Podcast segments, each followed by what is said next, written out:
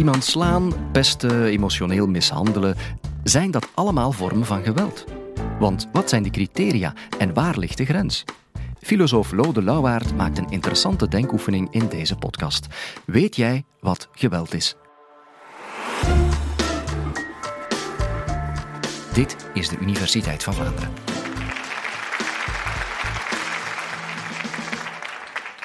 Sommige dingen zijn zeker. Bijvoorbeeld het volgende. Iedereen herinnert zich nog de aanslagen in Brussel, de verschrikkelijke aanslagen in Brussel, Parijs, Londen, New York, Madrid enzovoort. Iedereen herinnert zich ook het einde van de Eerste en de Tweede Wereldoorlog, een bombardement aan geweld zou je kunnen zeggen. Iedereen herinnert zich ook de duizenden doden op het Tiananmenplein in 1989 in China. De vreselijke genocide in Rwanda in 1994. Wel, iedereen is het erover eens dat de zaken die ik zo net heb vermeld, dat dat vormen van geweld zijn. Niemand onder ons, werkelijk niemand, zou zeggen, dit is geen geweld. Ja? Maar die eensgezindheid, het feit dat jij, ik, dat wij allemaal het erover eens zijn, dat dit vormen van geweld zijn, dat doet vermoeden, dat suggereert, dat er zoiets bestaat als een definitie, een vaste omschrijving, een essentie van geweld. Maar klopt dat ook? Is dat wel juist dat er zoiets bestaat als een essentie van geweld? Wel, beste mensen, wat ik de komende minuten wil doen, is je laten voelen dat er niet zoiets bestaat als een definitie, een essentie, een vaste omschrijving van geweld. En twee, ik wil je er ook van overtuigen dat het ook wel belangrijk is dat je dat weet, dat er geen definitie is. Met andere woorden, ik denk dat de filosofische analyse van ons begrip van geweld niet alleen bijzonder interessant is, uiteraard, maar ook relevant. Nu, voordat ik daarmee begin, denk ik dat het goed is dat we een aantal dingen eerst afspreken. En meer bepaald, wat verstaan we eigenlijk precies onder een definitie, onder een essentie, onder een vaste omschrijving? Wat is met andere woorden de essentie van een definitie? Ja? Laten we beginnen met een voorbeeld meer bepaald goud. Ja, als u serieus nadenkt over goud, ja, dan moet u concluderen, onmiddellijk, dat alle goud gekarakteriseerd wordt door het feit dat het 79 protonen heeft. Dat is de eerste. Tweede iets, dat is niet voldoende. U weet ook dat alle zaken die nauw aansluiten bij goud, maar zelf geen goud zijn, kwik, zilver, dat die zelf ook geen 79 protonen hebben. Met andere woorden, alle goud geeft 79 protonen en ook enkel goud heeft 79 protonen. U zou met andere woorden kunnen zeggen, maar we moeten dat zeggen, dat de definitie, de essentie van goud, bestaat uit het hebben van 79 protonen. Nu, wat kunnen we daaruit afleiden? Wel, een definitie, een vaste omschrijving, een essentie, die bestaat uit twee zaken. Het eerste iets is een universele eigenschap. Ja, een eigenschap die gekarakteriserend is voor alle delen van die specifieke verzameling. 79 protonen. Niet alleen een universele eigenschap, maar ook een unieke eigenschap. Namelijk een eigenschap die goud afzondert of andere dingen afzondert van zaken die buiten die verzameling ligt. Ja? De vraag is dus, bestaat zulke definitie, bestaat zulke essentie, zulke universele, unieke eigenschap, bestaat dat voor geweld? Eerste kandidaat voor zulke essentie is uiteraard schade. Herinner u de voorbeelden waarmee ik begonnen ben? Tiananmenplein, einde Eerste Wereld, Tweede Wereldoorlog, aanslagen in Brussel en Madrid. Het zijn allemaal zaken, allemaal fenomenen waarbij sprake is van mentaal, fysieke, materiële schade. Ja?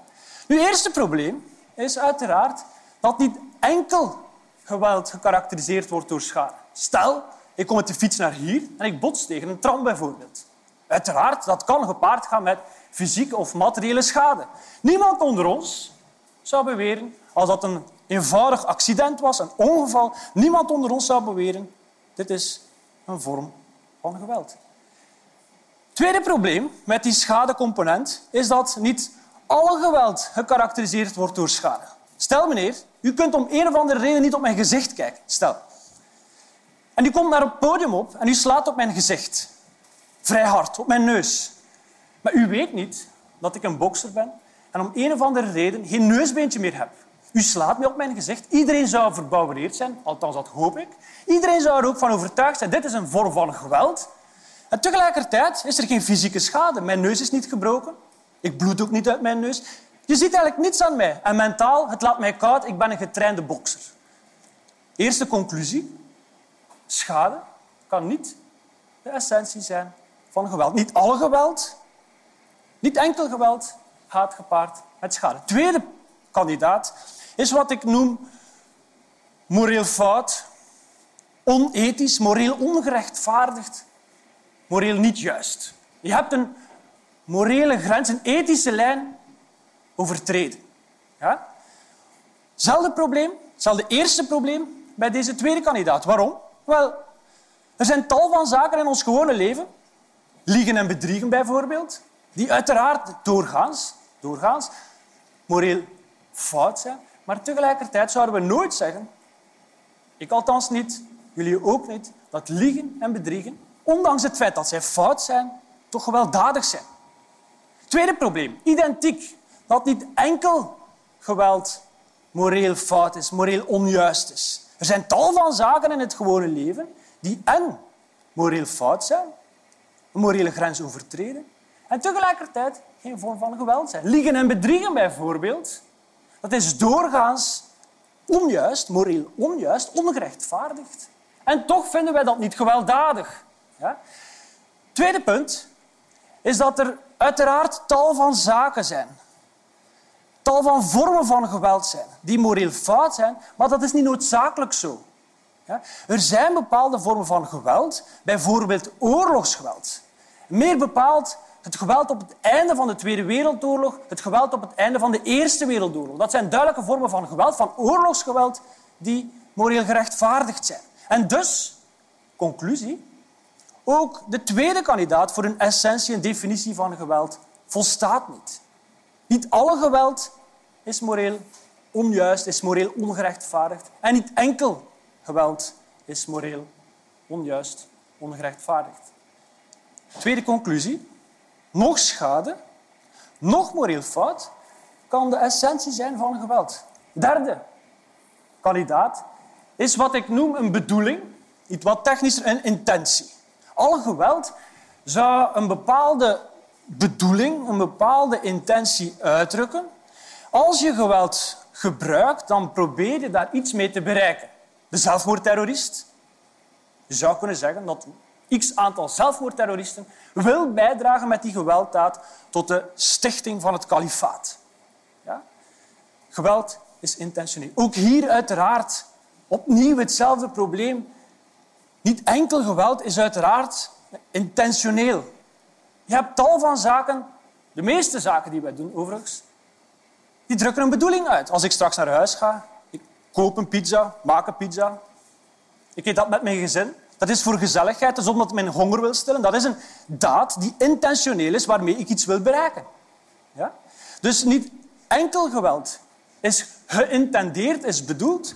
En ook niet alle geweld drukt een intentie uit. Waarom zeg ik dat? Wel, niet alle geweld drukt een intentie uit. Sinds een veertigtal, vijftigtal jaren, midden van de 20e eeuw, is er een aantal denkers, intellectuelen en ook filosofen meestal links geïnspireerde filosofen, die gebruik maken van de notie structureel of systemisch geweld. Waarnaar verwijzen zij met dat begrip? Wel, zij verwijzen naar een aantal negatieve zaken.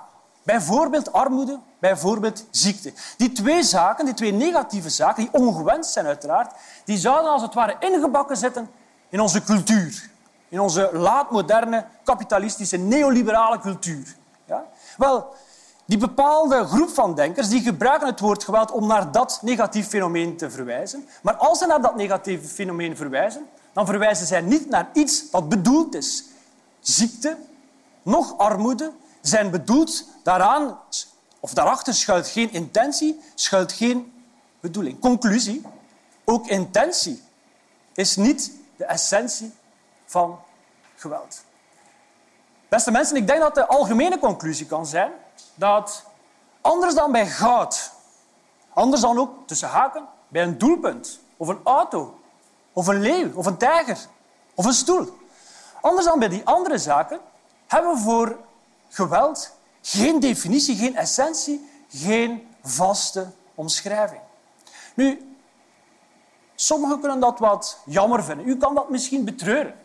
Ja? U kan dat misschien betreuren. Waarom? Over het algemeen vinden wij, vinden wij het belangrijk om begrippen in hokjes te duwen. En om scherpe lijnen te trekken tussen begrippen. Als u dat al zou betreuren, dat geweld geen essentie heeft, met andere woorden, geweld geeft geen essentie. Geweld geeft, er zijn verschillende opvattingen van geweld. Ja? Als u dat al zou betreuren, dan moet u wel het volgende in het achterhoofd houden. Namelijk, geweld is niet alleen.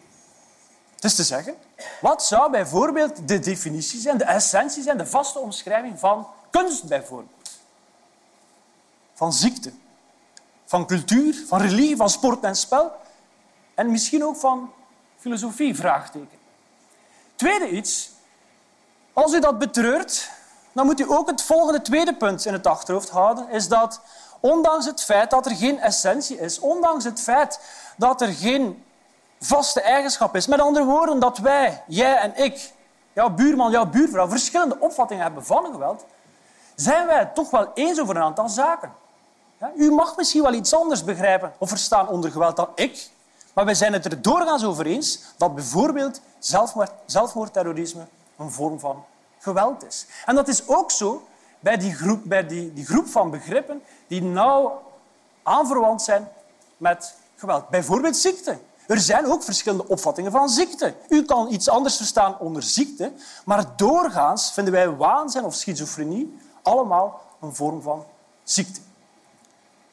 Goed, dat was mijn filosofische analyse.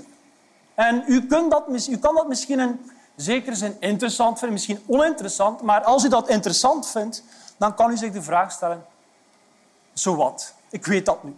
Er zijn verschillende opvattingen van geweld. Er is geen essentie. Who cares? Wel, ik begrijp dat.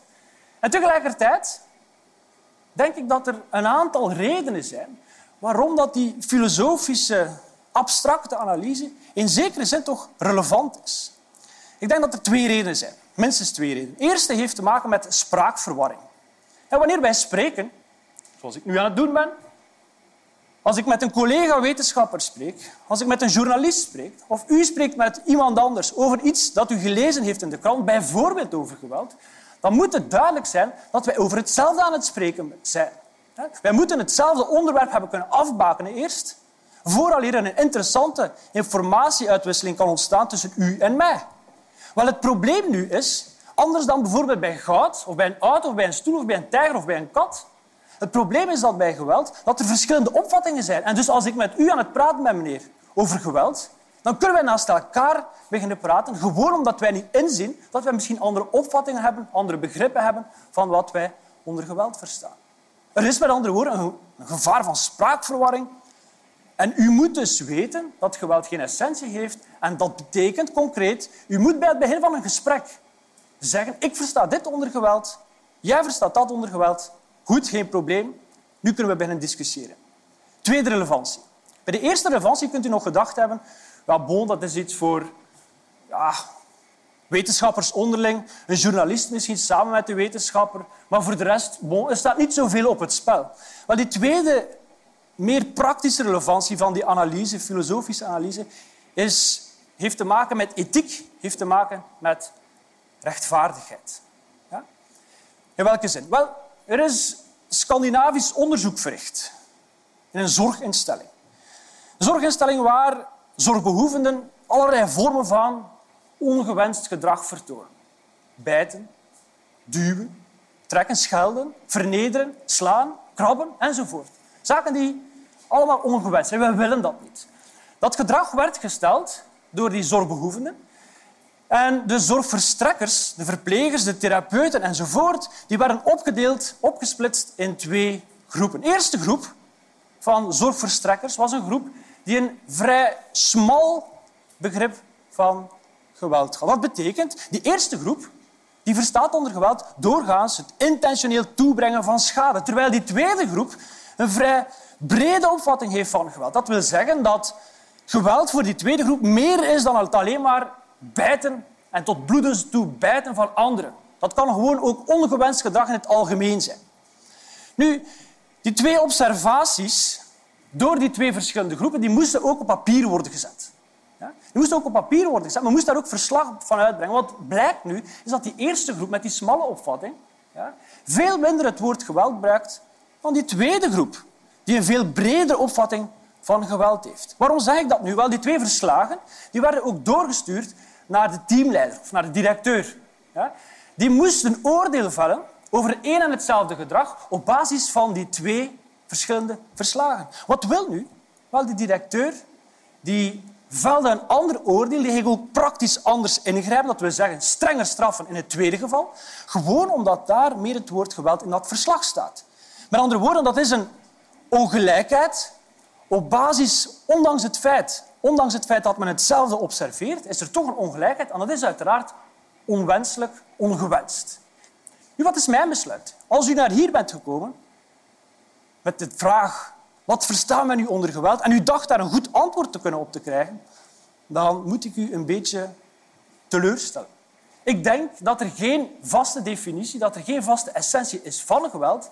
Mijn taak is, denk ik, u ervan bewust maken dat er verschillende opvattingen zijn en dat u moet beseffen dat het ook belangrijk is, moreel belangrijk is, om dat inzicht mee te hebben.